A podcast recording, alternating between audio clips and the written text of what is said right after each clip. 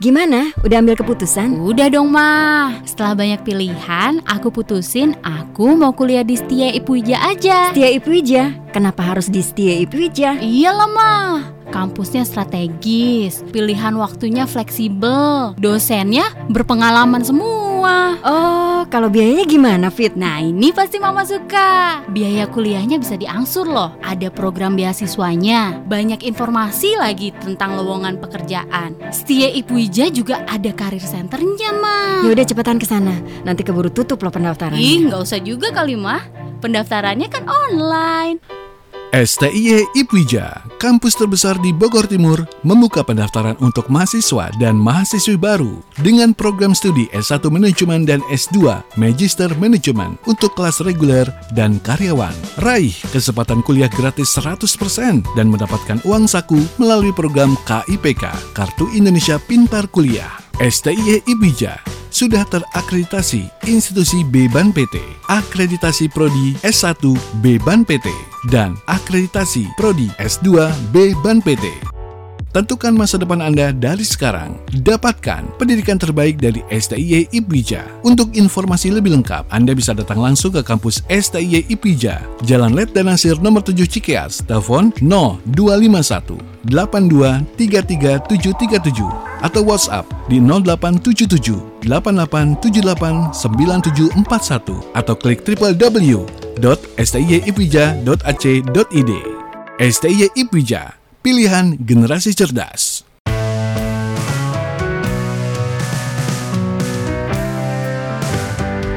Halo semua, selamat datang di PGC Podcast Generasi Cerdas.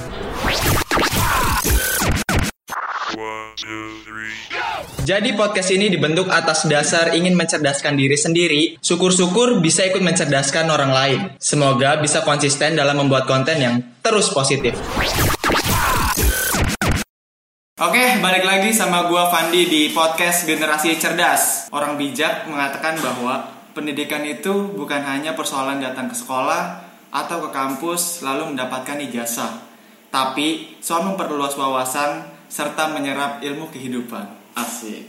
Nah, di episode kali ini kita akan ngebahas sesuatu tentang organisasi, khususnya BEM atau Badan Eksekutif Mahasiswa. Seperti biasa, gue nggak sendiri. Di sini gue kedatangan tamu, yaitu Ketua BEM. Ada Yang, halo Yang. Halo Bang Pandi. Dan ada wakilnya juga, ada Kak Aufa. Halo Pandi. Oh iya, sebelumnya gue ucapin selamat kepada kalian berdua karena Ya, terima kasih. uh, BEM periode 2020, betul? 2020 2021. 2020-2021 Betul. itu baru aja dilantik minggu Yes, kemarin. Yes, hari Minggu. Hari Minggu. Selamat ya. Semoga sukses untuk program-programnya. Amin. Amin. Sebelum kita bahas lebih jauh tentang BEM, sebelumnya gue pengen tanya dulu nih. Menurut definisi masing-masing dari kalian, Boleh, apa boleh, sih itu Badan Eksekutif Mahasiswa yang Menurut gua sih eh, BEM itu wadah di mana kita bisa menerapkan banyak kreativitas, inovasi-inovasi, mungkin minat bakat, pengembangan karakter tentang kependidikan juga di lingkungan mahasiswa khususnya seperti itu. menurut Alfa sendiri BEM itu apa sih Pak? Kalau menurut gue sebenarnya sih eh, wadah sebagai penggali potensi aja. Lalu apa sih bedanya antara organisasi di sekolah dan di kampus? Eh, kalau menurut gua sih eh, ada eh, beberapa perbedaan ya. Kalau dulu gua di SMA itu sebagai pengurus OHIS gitu kan. Eh, termasuk di dalam OSIS juga dulu. Lebih ke apa ya? Lebih disuapin sama guru-guru, sama kepala sekolah seperti itu kan. Tapi kalau di badan eksekutif mahasiswa sendiri kita eh, lebih eh, bergeraknya lebih bebas, lebih luas gitu kan. Dan kita lebih menyerap pendapat-pendapat dari kawan-kawan mahasiswa. Itu sih perbedaannya. Tambah lagi kalau gue sih antara perbedaan antara OSIS sama Badan Eksekutif Mahasiswa di situ kan ada perbedaan jenjang Ya. jenjang antara siswa dan mahasiswa gitu kan. Yang pastinya circle-nya pun pasti lebih luas gitu. Pasti. Mahasiswa. Ditambah lagi tentang pengetahuan-pengetahuan atau wawasan-wawasan itu eh, mesti atau perlu banget dipunyai sama sebagai dasar sebagai anggota anggota badan eksekutif mahasiswa. Sebelum kita bahas lebih lanjut, gue bakalan narik nih ke Hmm. titik awal kalian masuk ke BEM ini. Itu ceritanya tuh seperti apa? Iya. Eh, dulu itu pertama masuk di BEM itu angkatannya BEM Bang Aceh 2008 eh 2019 2019. 2020 ah. masuk sebagai eh, ketua UKM jurnalistik dulu. Yes. Nah setelah punya pengalaman satu periode di BEM-nya Bang Aceh, akhirnya memberanikan diri untuk eh, terjun atau mencalonkan diri jadi ketua BEM dan alhamdulillah terpilih sekarang menjadi ketua BEM seperti. Kalau Ova gimana Pak? Lu Kalau gue sendiri sih bisa gabung ke BEM sama sebenarnya sama yang. Diawali di kepengurusan tahun 2019-2020 gue menjabat kebetulan sebagai ketua UKM olahraga. Istilahnya dalam berorganisasi ya seadanya setelah masuk ke BEM ya banyak juga sih. Banyak banyak apa sih sesuatu yang baru yang gue temuin. Tentunya tentang bagaimana kita bersosialisasi terhadap teman-teman mahasiswa.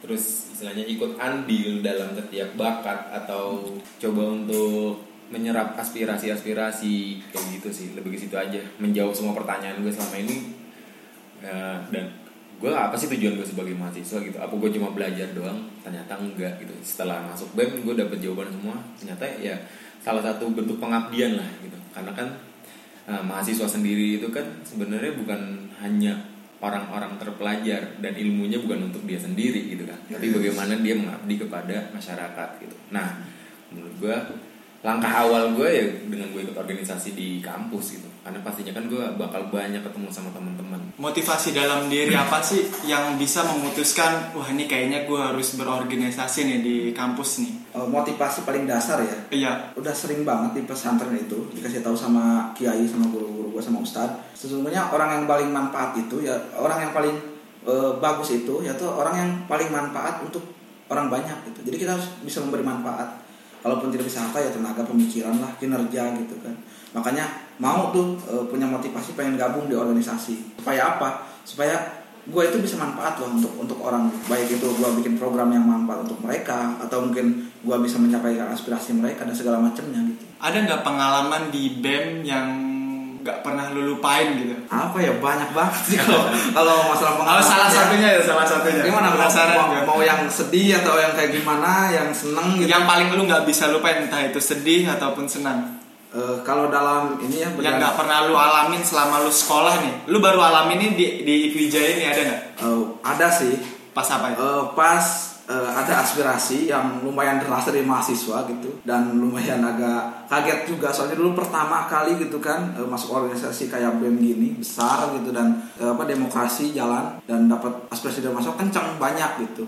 Eh, dalam waktu yang bersamaan gitu. Iya. dari situ juga gue agak kelabakan itu agak bingung. Tapi dari situ gue mulai belajar cara mengatasinya cara kita menyampaikan kepada mereka cara kita sosial sosialisasi ke mereka gitu. Dan pemecahan masalahnya kita harus eh, step-stepnya eh, kita belajar dari gimana caranya memecahkan masalah itu kita cari tahu dulu permasalahannya itu apa sih gitu kan Eh, intinya apa gitu yang mereka pengen gitu Gitu. dan kita jelaskan keadaan kita seperti apa dan solusi win-win solusinya kayak gimana dalam musyawarah Kalau apa gimana Pak? Ada nggak pengalaman yang paling nggak pernah lu lupain gitu selama lu? yang nggak pernah gue lupain sih pastinya tentang clash sesama anggota. Gimana tuh? Kalau gue sih kalau kalau yang seneng seneng kalau yang kayak gitu gitu sih menurut gue biasa ya. Yes. ya dan itu menurut gue ya let it flow aja. Mengalir ya udah gitu biasa aja. Kalau yang bakal teringat dan bisa diambil pelajaran kalau buat, buat ke pribadi pengalaman tuh lebih ke clash perbedaan pendapat tentang kegiatan memutuskan itinerary yang setiap kita ambil dalam suatu kegiatan gitu sih yang sampai akhirnya ngotot-ngototan kalau buat gue buat gue itu sih yang paling berkesan selama berorganisasi sih Iya, Gitu. bener sih. Menurut gue juga yang namanya organisasi tuh nggak jauh yang namanya dinamika. betul Yes. Pasti organisasi itu pasti ada dinamika, mulai dari perbedaan pendapat. Betul. Ya kan, malah dari perbedaan pendapat itu kita bak, eh, kita eh, akan mencapai suatu mufakat Bener. bersama. Iya. Nah di situ yang asik ya untuk berorganisasi. itu makanya yang buat gue yang nggak bikin lupa itu sih lebih seru lebih gue lebih senang Yes. lebih senang yang kayak gitu-gitu karena dengan tes secara tidak langsung ya dengan adanya perbedaan-perbedaan pendapat seperti itu otomatis kan setiap kepala mengeluarkan kreativitas mengeluarkan pikirannya Ya, mereka mengeluarkan pendapatnya sendiri. pendapat mereka nah itu ternyata buat kita pinter gitu loh Yes. buat kita pinter terus buat kita juga oh begitu ya maunya akhirnya bisa mengerti satu sama lain gitu dan itu bisa diaplikasikan pada nanti kepada teman-teman mahasiswa yang lainnya gitu Ketika yang pas baru masuk di BEM, awal bergabung, lu udah punya pikiran belum? Kayaknya, wah ini gue pengen jadi ketua nih. oh, oh. Punya pikiran seperti itu nggak? Kalau eh, dulu sih pertama masuk nggak sama sekali ya. nggak sama sekali buat kepikiran menjadi ketua BEM karena berjalannya waktu eh, satu tahun setengah gue di BEM jadi ketua UKM gue dari situ mulai belajar banyak yang eh, harus gue rapihin gitu. Banyak yang harus program-program yang memang muncul dari kepala gue gitu kan. Oh ini loh solusinya kayak gini loh. Gue pengen terapin kayak gitu. Makanya gue eh, memberanikan diri untuk sebenarnya nekat sih.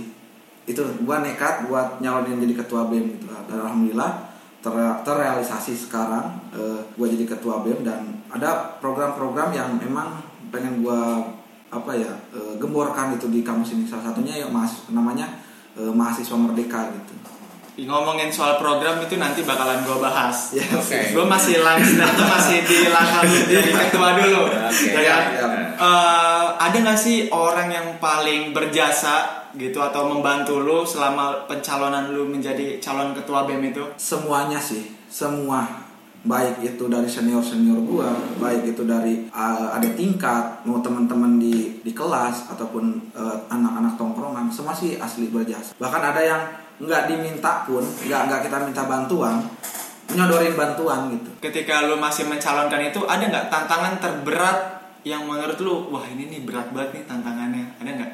Eh, ya pasti ada lah ya tantangan yang paling Apalagi kan untuk eh, masa pencalonan kemarin kan ada tiga calon Ah. juga kan. Nah itu untuk cara untuk strategi lu memenangkan pemilihan itu seperti apa? Eh, kalau gua sih apa adanya dan bikin sesuatu yang memang ini loh yang diperluin gitu di kampus kayak gitu. Betul. Emang ma- masyarakat kampus itu perlu apa sih gitu butuh apa selama ini? Ya itulah yang gua pengen hadirin gitu. Gua janjiin ke mereka dan bukan cuma janji doang ya, tapi memang itu eh, motivasi salah satu motivasi gua gabung di BEM dan pengen mencalonkan diri menjadi ketua BEM ya itu. Lalu setelah lu menjadi ketua BEM, lu memutuskan untuk eh, memilih Alfa sebagai wakil lu. Itu dari dari segi mana lu bisa memilih Alfa? Se- Sebenarnya gini ya, kalau untuk eh, struktural semuanya itu eh, bukan cuma gue yang memilih, tapi ada namanya eh, dewan formatur Yes. yang membantu gue untuk memilih. Jadi semua itu kemarin itu ada 50 lebih eh, yang mendaftarkan diri menjadi calon anggota BEM dan diwawancara selama dua hari dan alhamdulillah sudah terbentuk sekarang cuma ada 40 anggota, 41 sama gue. Gitu. Dan kenapa AUFA? Karena memang di situlah AUFA bidangnya gitu, jadi menjadi wakil eh, apa ya pasnya gitu menurut gua dan formatur. Pandangan lu sendiri terhadap Alfa itu seperti apa? Kan di sini lu bisa dibilang eh, lu masih semester berapa? Oh, gua masih sekarang naik kelima nih. Naik kelima dan Alfa Tujuh. tujuh. Nah, kan ini perbandingan antara ketua dan wakil, sedangkan tingkat semesternya itu beda. Yes. Bagaimana cara lu untuk eh, tidak kalah gitu? Oh gini. Untuk profesionalisme lu tuh Yes. seperti yes. mana? Jadi gini ya eh, dari awal dari awal gua udah ngobrol banyak sama gua manggilnya bahkan mamang. Ova ini mamang Ova gitu. gua selalu bilang gini eh, dalam organisasi itu eh, yang dilihat itu bukan umur tapi dilihat dari struktural organisasinya. Walaupun dia lebih muda dari gua gitu tapi dia di atas gua dalam struktural maka gua harus ngikutin instruksi dari dia gitu. tapi ingat kita tetap harus bisa menghormati menghargai orang yang lebih senior dari kita. Itu sih. Jadi jangan mentang-mentang kita ketua nih kita seenaknya jidat gitu songong enggak, enggak gitu juga. Tapi kalau dalam organisasi ya kita harus profesional. Dari Alfa sendiri, pandangan lu terhadap ketua baru ini seperti apa, Pak? Ya kebetulan kan gue juga eh, berangkat dari BEM yang pastinya sedikit banyak punya pengalaman tentang BEM dan tahu gitu lah beberapa permasalahan-permasalahan yang terjadi khususnya di lingkungan kampus dari organisasi segala macam gitu. Apa sih sebenarnya gitu loh. Dan yang gue lihat dari yang ini salah satunya yang paling menonjol sih tentang ini aja sih tentang apa sih eh, visi misinya dia yang membawa hashtag tadi bukan hashtag ya atau apa ya? Oh, tagline. tag ya tagline dia mahasiswa merdeka gitu kan. Di mana kan eh, berarti kan tidak atau tidak menghilangkan gitu lah apa sih eh, istilah mahasiswa yang ada selama ini. Karena kan gue berharap banget dari tagline tersebut setiap masyarakat kampus atau teman-teman mahasiswa semuanya ini bebas berpendapat gitu bebas berkreasi bebas mereka menuangkan minat serta bakatnya gitu. Dan itu yang, gue lihat dari visi misinya Iyang gitu. Dan gue juga apa sih gue juga sebelumnya kan pernah kerja sama bareng sama dia di kepengurusan eh, yang tahun lalunya dan gue lihat integritas yang ya masuk lah gitu sebagai untuk sebagai ketua gitu Mantap. Lalu kita langsung masuk ke apa ya? Program andalan lu di BEM periode 2020 ini. Kalau untuk eh, Paling andalannya. paling andalan ya ada tiga sih ada tiga program yang paling eh, pengen gua terapin di BEM yang pertama itu namanya eh, mahasiswa merdeka. Itu juga eh, gua pakai tagline sebagai tagline. Tagline. Eh, tagline BEM sekarang mahasiswa merdeka. Dan juga yang kedua ada namanya sahabat BEM dan yang ketiga itu ada pengabdian masyarakat. Karena kita ketahui bersama bahwa ada namanya tridharma perguruan tinggi. Dan Hmm. poin ketiga itu adalah pengabdian masyarakat. Jadi BEM juga ingin e, mengadakan pengabdian masyarakat agar tidak hanya berpaku kepada e, lingkungan kampus aja gitu internal tapi juga e, eksternal kita bisa manfaat untuk masyarakat luar kampus Gue pengen lebih spesifik ke kampus Merdeka atau Oh, ma- mahasiswa mahasiswa mahasiswa, Merdeka. mahasiswa Merdeka. Itu apa sih? Coba kalau bisa dijabarin. Oke, jadi mahasiswa merdeka itu satu program di mana nanti eh, semua mahasiswa baik gua nggak nggak mandang ya itu mahasiswa Cikeas atau kampus Baping, selama dia mahasiswa IPIJA, dia punya hak yang sama untuk menyuarakan pendapat. Nanti pendapatnya itu eh, tidak liar, tidak, tapi akan ada forum. Forum itu akan diadakan oleh setiap bidang-bidangnya. Misalnya eh, kerohanian nih ingin ada eh, agenda kegiatan gitu kan. Nanti mereka buka forum tuh. Siapa yang ingin ikut dalam berpartisipasi gitu dalam kegiatan ke, ke kerohanian ya silahkan ikut untuk musyawarah. Nah nanti di situ mereka akan mengeluarkan pendapat mengeluarkan aspirasi mereka. Ide-ide ide-ide iya. Nanti nanti dimusyawarahkan. Mana nih program yang paling cocok paling relevan untuk mereka gitu dalam bidang kerohanian misalnya. Nanti setelah Chrome udah cocok udah satu pendapat tuh nanti dijalankan lah tapi itulah gua nggak cuma mau minta aspirasi aja ya. Tapi setelah aspirasi gua pengen ada kerja dari mereka. Kontribusi ada langsung. kontribusi yes. Kontribusi langsung. Jadi dari nggak cuma pendapat doang tapi gua minta mereka berpartisipasi di kepanitiaan atau menjadi pelaksana dalam kegiatan itu. Betul. Selain itu ada lagi Alfa. Eh, melihat permasalahan-permasalahan yang sebelumnya nih tentang eh, informasi ya gitu. Yang mungkin itu udah sering banget. Gue gue udah beberapa kali ngobrol sama teman-teman mahasiswa gitu. Sebenarnya apa sih harapan-harapan kepada badan eksekutif mahasiswa sebagai wakil lo gitu ya kan? Dan kebanyakan mereka tentang informasi gitu loh. Nah berhubungan berhubungan dengan adanya tagline mahasiswa merdeka ini gue sih lebih apa ya lebih coba untuk kita nih lebih dalam lagi gitu untuk mencari informasi-informasi yang belum sampai gitu. Supaya suara-suara dari teman-teman tersebut tuh nggak nggak apa sih namanya nggak simpang siur Iya. gitu. Atau kita dapat dari mulut ke mulut segala macem gitu sih. Lalu ada nggak terobosan baru di BEM periode sekarang yang belum ada di BEM periode-periode sebelumnya? Eh, ada. Eh, yang pertama itu mahasiswa merdeka itu yang pertama dalam sistem gua benar-benar ubah yang kedua dari perekrutan perekrutan anggota iya gua buka open terbuka benar-benar terbuka itu random banget banyak banget yang daftar lebih mengedepankan demokrasi Yes. sekarang gitu. Memang betul. sebelumnya BEM itu tidak ada proses rekrutmen itu seperti apa? ada ada dulu eh, ada tapi tidak seterbuka seperti sekarang Iya. gitu karena mungkin dulu eh, berpikirnya ya karena kampus eh, sebelum sebesar sekarang gitu Iya. kan jadi eh, mungkin sebelum itu mereka sudah ada penilaian gitu mungkin dari formatur atau dari eh, ketua BEM-nya mungkin ada penilaian oh eh, punya penilaian sendiri gitu orang ini cocok buat masuk di BEM gitu dilihat dari keaktifan sebelumnya gitu tapi kalau- mekanismenya aja sih Yes. mekanismenya lebih Mekanisme. lebih lebih apa sih namanya lebih banyak gitu tahapan-tahapan yang kita lewati dalam perekrutan itu gitu Hmm.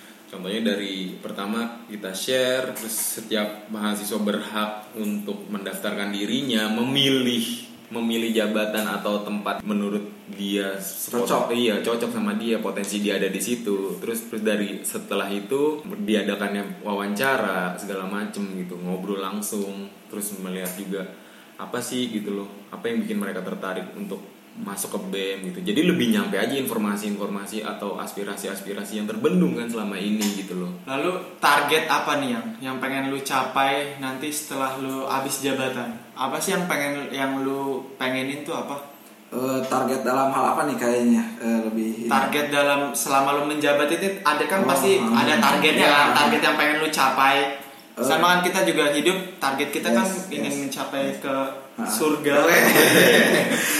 nah target lu selama pengen lu jabat itu apa Kalau gua sih targetnya ya eh, ada beberapa poin gitu. Yang pertama, gua pengen suasana kampus itu lebih enak gitu. Misalnya lebih enak itu saling memahami lah antara mahasiswa dan BEM, BEM dan mahasiswa, antara mahasiswa dengan kampus, kampus dengan mahasiswa gitu. Karena banyak banget dari dulu gua lihat selama eh, satu periode bahkan dari pertama masuk banyak sekali kesalahpahaman atau eh, salah informasi gitu. Bahkan mahasiswa kita eh, nganggap kampus itu begini gitu. Ternyata kampus eh, ngelihat mahasiswa kita begitu, tapi faktanya nggak begitu gitu. Jadi banyak banyak apa ya Miskomunikasi. miskomunikasi seperti itu. Jadi gue makanya bikin program kayak gini supaya jelas gitu. Gue bisa jadi jembatan untuk eh, mahasiswa kepada kampus dan kampus kepada mahasiswa. Jadi sama-sama enak. Memang dasarnya itu apa sih wewenang bem di kampus Eh, untuk wewenang untuk wewenangnya sih BEM itu tentunya untuk mewadahi mahasiswa ya dalam kegiatan Hmm. mungkin eh, pengembangan minat bakat keilmuan karakter itu dari dari BEM gitu untuk ini Eh, kalau gue sih lebih ke jembatan aja gitu bridging Iya, jembatan antara mahasiswa dengan instansi atau yayasan gitu loh. Di mana setiap mas kan pastinya mahasiswa itu kan banyak banget gitu kan, banyak banget, banyak aspirasi-aspirasi atau keluh keluh kesahnya masyarakat kampus nih khususnya mahasiswa yang tidak bisa sampai langsung gitu loh tidak bisa sampai langsung karena karena banyaknya itu gitu. Nah kita sebagai bem eh, sebetulnya sih bukan wewenang lebih ke apa ya lebih ke jalur aja gitu. Kita punya jalur untuk menemui atau menjembatani ma- aspirasi mahasiswa terhadap pimpinan Yes. atau yayasan gitu loh. kita kan dari tadi ngomongin soal kegiatan kegiatan dan kegiatan ya Yes. sedangkan kan sekarang tuh lagi masa-masa pandemi Iya. di mana sebuah pertemuan atau perkumpulan orang kan itu dilarang iya Bener banget tuh. Ini tantangan nih eh, Asli. kepada kalian berdua. Luar itu biasa. kayak gimana tuh kalian? di pandemi ini kan menuntut menurut gua sih jadi menuntut kita untuk bisa kreatif dan inovatif sih Iya. kita harus bisa cari eh, pemecahan masalahnya gitu kan. Dari banyak program-program kerja yang gua kemarin susun atau yang anggota gua, gua susun gitu. Dalam pandemi ini begini kita harus merombak lagi tuh program-programnya. Mungkin kayak kemarin juga eh, pelantikan secara online gitu. Dan juga sebelumnya ada LKM online dari BEM yang terdahulu tuh ngadain kayak gitu. Jadi harus banyak opsi-opsi dan banyak apa ya kreativitas yang baru sih yang muncul tantangan Tantangannya. baru Ya, tantangan baru sih Ah, untuk jadi ada ada terobosan terobosan yes, ada hikmahnya juga gitu Eh, setelah kalau misalkan pandemi ini berakhir, ada nggak sih suatu kegiatan yang pengen lu adain gitu? Kegiatan besar atau kegiatan apa? Ada nggak? di Kalau- program kerja. ada ada belum ada ada ada, ada. Apa tuh Kalau setelah setelah setelah pandemi ini Ah, berakhir lah. ah. yes mungkin eh, programnya mudah-mudahan bisa ngadain inaugurasi, Inaugurasi. secara offline ya, Offline. jangan sampai online gitu. Kalau LKM sih masih bisa lah berjalan eh, apa online gitu, tapi kan inaugurasi itu kan di mana mahasiswa itu saling kenal gitu, saling akrab, saling tahu antar kelas malam, Betul. kalau kelas Sabtu, kelas eh, pagi reguler maupun itu dari kampus Baping, kampus Cikeas pada saling kenal gitu. Kalau online menurut gua kurang deh ya. Dan juga gua pengennya sih ada ngadain kayak pensi gitu ya di kampus gua pengen ngadain kayak gitu. Mungkin eh, nanti setelah pandemi ya, mungkin kita bikin kayak bazar bazar semua UKM atau Iya. pertunjukan semua UKM di situ. Terus terus karena kan eh, tagline kampus kita kan membangun ke, jiwa kewirausahaan Yes. kan? Iya. ya itu sih kalau gue sih lebih ke situ lebih gue pengen banget gitu melihat mahasiswa mahasiswa khususnya teman-teman mahasiswa Hmm. Ibu Ija nih berwirausaha gitu. Itu tentang tagline. Lalu ada nggak rencana untuk menjalin kerjasama dengan kampus-kampus lain begitu? Eh, kalau gue sih pribadi ada ya pengen Pastinya, gitu. pastinya pastinya pastinya jadi gue pengen eh, kerjasama dengan kampus-kampus luar gitu. Karena untuk apa ya kita eh, apa ya Membangun relasi. Membangun relasi terus mencari ilmu baru gitu. Teman-teman baru dan banyak sih manfaatnya gitu untuk kampus kita untuk organisasi kita. Soalnya kalau cuma eh, cuma di internal aja berkecimpung gitu kayaknya ada yang kurang gitu Iya. makanya kita harus cari pengalaman juga di luar Bukan mahasiswa Ah, banget kalau kayak gitu yes.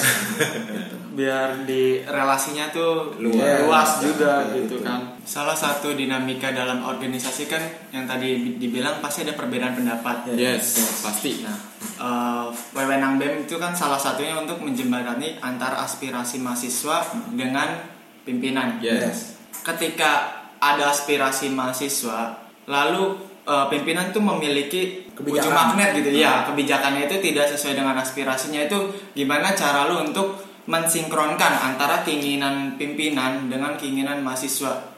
Oke, untuk itu ya. Jadi eh, kadang-kadang banyak kasus kayak gitu eh, sering terjadi gitu bahwa keinginan mahasiswa ini kadang-kadang bertolak belakang dengan kebijakan-kebijakan kampus itu kan. Iya. Tapi sebenarnya sebenarnya eh, itu bisa dinetralkan gitu dengan cara kita ca- eh, kasih pengertian gitu.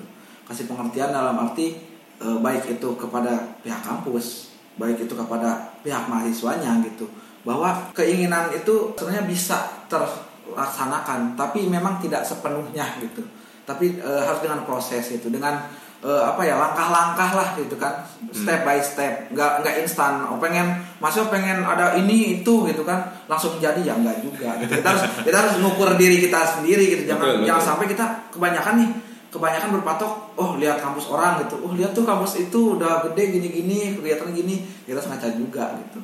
Apa yang memang bisa kita lakukan. Dan insya Allah kalau kita menjalani dengan baik kita menjalani dengan ikhlas ya insya Allah itu hasilnya akan baik gitu dan ke depannya juga pasti kampus juga akan besar gitu. Gue yakin sih kayak gitu. Iya, keinginan lu kepada anggota-anggota lu yang sekarang itu kayak gimana ya? kalau gue sih eh, ke anggota-anggota yang sekarang ya gue pengen yang harapan gue gitu. Berharap. Eh, mereka itu lebih solid pertama. Terus mereka itu bekerja memang karena eh, dorongan motivasi pribadi gitu. Jangan eh, mereka disetir orang gitu. Dalam artian program-program mereka itu ya eh, ada orang di belakangnya gitu. Enggak gue pengen tetap mereka itu punya satu pendirian gitu. Bahkan tantangan bagi gue nih sekarang anggota gue itu kebanyakan anak semester 3 masih maba-maba lah istilahnya kan. Dan sementara kampus kita tahu sendiri kan. Oh, susah banyak seniornya gitu. Ada anak-anak apa ada kelas karyawan yang sudah bekerja bahkan ada yang sudah eh, matang lah umurnya gitu kan itu sesuatu tantangan gitu. Dan gue, selalu masih tahu kepada mereka hormatin senior gitu hargai mereka. Tapi lu harus punya eh, satu eh, gagasan atau motivasi untuk bisa mempertahankan argumen atau program lu gitu kan. Di kampus kita kan itu terbagi atas tiga kelas ya. yes. Kelas reguler, kelas karyawan malam, dan kelas karyawan Sabtu. Betul. Bagaimana cara lu untuk menampung aspirasi dari ketiga golongan itu? gue sih pertama eh, pengen dari sahabat eh, apa dari eh, mahasiswa merdeka terus nanti ada sahabat BEM gue pengen ini gue udah koordinasi sama eh, bidang infokom juga eh, sama bidang-bidang gue di bawah supaya ngumpulin eh, kontak eh, person dari setiap ketua kelas gitu jadi dibikin satu grup isinya ketua kelas semua mau itu kelas pagi, Sabtu, malam gitu. Jadi eh, di grup itu mereka bisa nyampein gitu keluh kesahnya, harapan mereka gitu dan informasi dari kita, informasi dari kampus juga insya Allah efektif masuk gitu. Karena selama ini yang gue lihat b- memang kita sudah punya grup yang besar gitu, seperti informasi kampus, informasi BEM, tapi tetap tidak semua eh, kelas masuk di situ gitu. Hanya sebagian. Dan kadang-kadang orang yang masuk ke grup itu cuma baca nggak di share lagi sama mereka. Silent reader aja. Nah, cuma, cuma, cuma buat mereka doang. Nah nanti gua akan tegaskan lagi kepada ketua kelas. Tugas kalian itu sebagai pengurus kelas nyampein informasi gitu. Jadi setelah di grup kelas itu gua share informasi nanti mereka ngambil informasi share di kelas masing-masing. Kayak gitu sih. Dikasih tanggung jawab gitu. Lalu selain mendapatkan pengalaman, apa sih keuntungan kita mengikuti BEM? Ka- Kalau gua sih ya lebih ke ngebentuk karakter gua sih asli. Betul. Dari pertama gua eh, apa ya sebelum gua ikut gitu dan setelah gua ikut itu ada perbedaan-perbedaan dalam diri gua gitu kan. Kayak mungkin cara berpikir, kesabaran gitu kan, belajar ikhlas gitu kan, sepenuh hati bener loh. Soalnya kita itu kerja, gua akuin capek ya, nggak ada uangnya, nggak ada diba- nggak dibayar gitu, bener. Iya, kalau dipikir gitu, emang kita apa sih gitu. Tapi di situlah kita belajar bahwa untuk jadi manfaat bagi orang itu ya harus seperti itu. Gitu. Tambahan apa? Eh tambahan dari gue sih lebih ke kita lebih bisa apa sih mengetahui tentang potensi-potensi terpendam dalam diri kita selama ini gitu. Oh ternyata eh, sama sama seperti tadi kan yang akhirnya gue coba untuk sharing lagi ke temen gue karena pribadi gue gitu pribadi gue akhirnya gue menemukan potensi-potensi dalam diri gue bahwa oh gue bis, gue ternyata bisa ya gitu loh. Bisa ya karena gini karena karena orang juga banyak gini loh banyak orang bisa sebenarnya. Ada potensi-potensi dalam dirinya cuma karena tidak ada kesempatan kesempatan untuk dia pribadi akhirnya potensi tersebut tidak tidak terlihat atau tidak keluar yang ada dalam dirinya gitu Dan untuk pertanyaan terakhir, alright Aduh, udah terakhir aja nih ya. Aduh. pertanyaan terakhir, eh, apa pesan-pesan kalian untuk para calon mahasiswa dulu ya? Untuk Yang- eh, para calon mahasiswa gitu kan, semangat. Pertama itu semangat buat ngelanjutin pendidikan di jenjang kuliah. Karena menurut gua sendiri gitu pribadi, kuliah itu penting sih asli.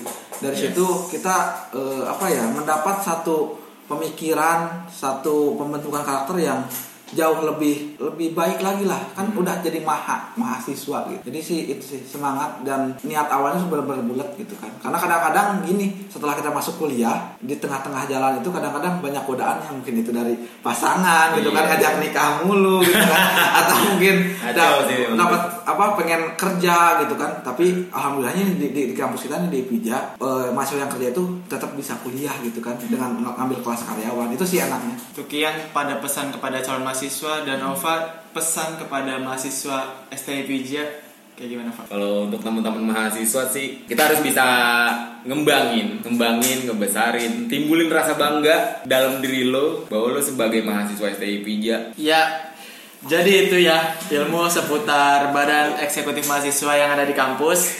Semoga dapat menambah wawasan serta Amin, pengetahuan amin, amin. teman-teman semua. Terima kasih untuk Iyang. Ya, makasih juga Bang Pandi nih udah diundang di podcast. Dari kemarin pengen nih masuk podcast ini kebetulan. Dan terima kasih juga untuk Kaufa yang udah sama-sama. Fandi. Terima kasih banyak atas kesempatannya udah undang kami di podcast apa Generasi Cerdas. Yes, Program PGC. baru dari STI Pija luar biasa sih, terobosan baru. Oke, terima kasih untuk kalian berdua telah bergabung di PGC. Semoga sukses dalam menahkodai arah kapal BEM. di Amin, STI. amin, amin, amin, amin, amin. Terima kasih semuanya. Lokasi kampus yang strategis, pilihan saya tepat karena waktu bagi saya adalah uang. Fasilitas yang lengkap menjadi penunjang kesuksesan generasi yang cerdas. Dengan dosen bersertifikasi, Iwica mampu menghasilkan lulusan yang berkualitas. Terbukti dengan biaya yang terjangkau, saya bisa menyelesaikan program S2 saya.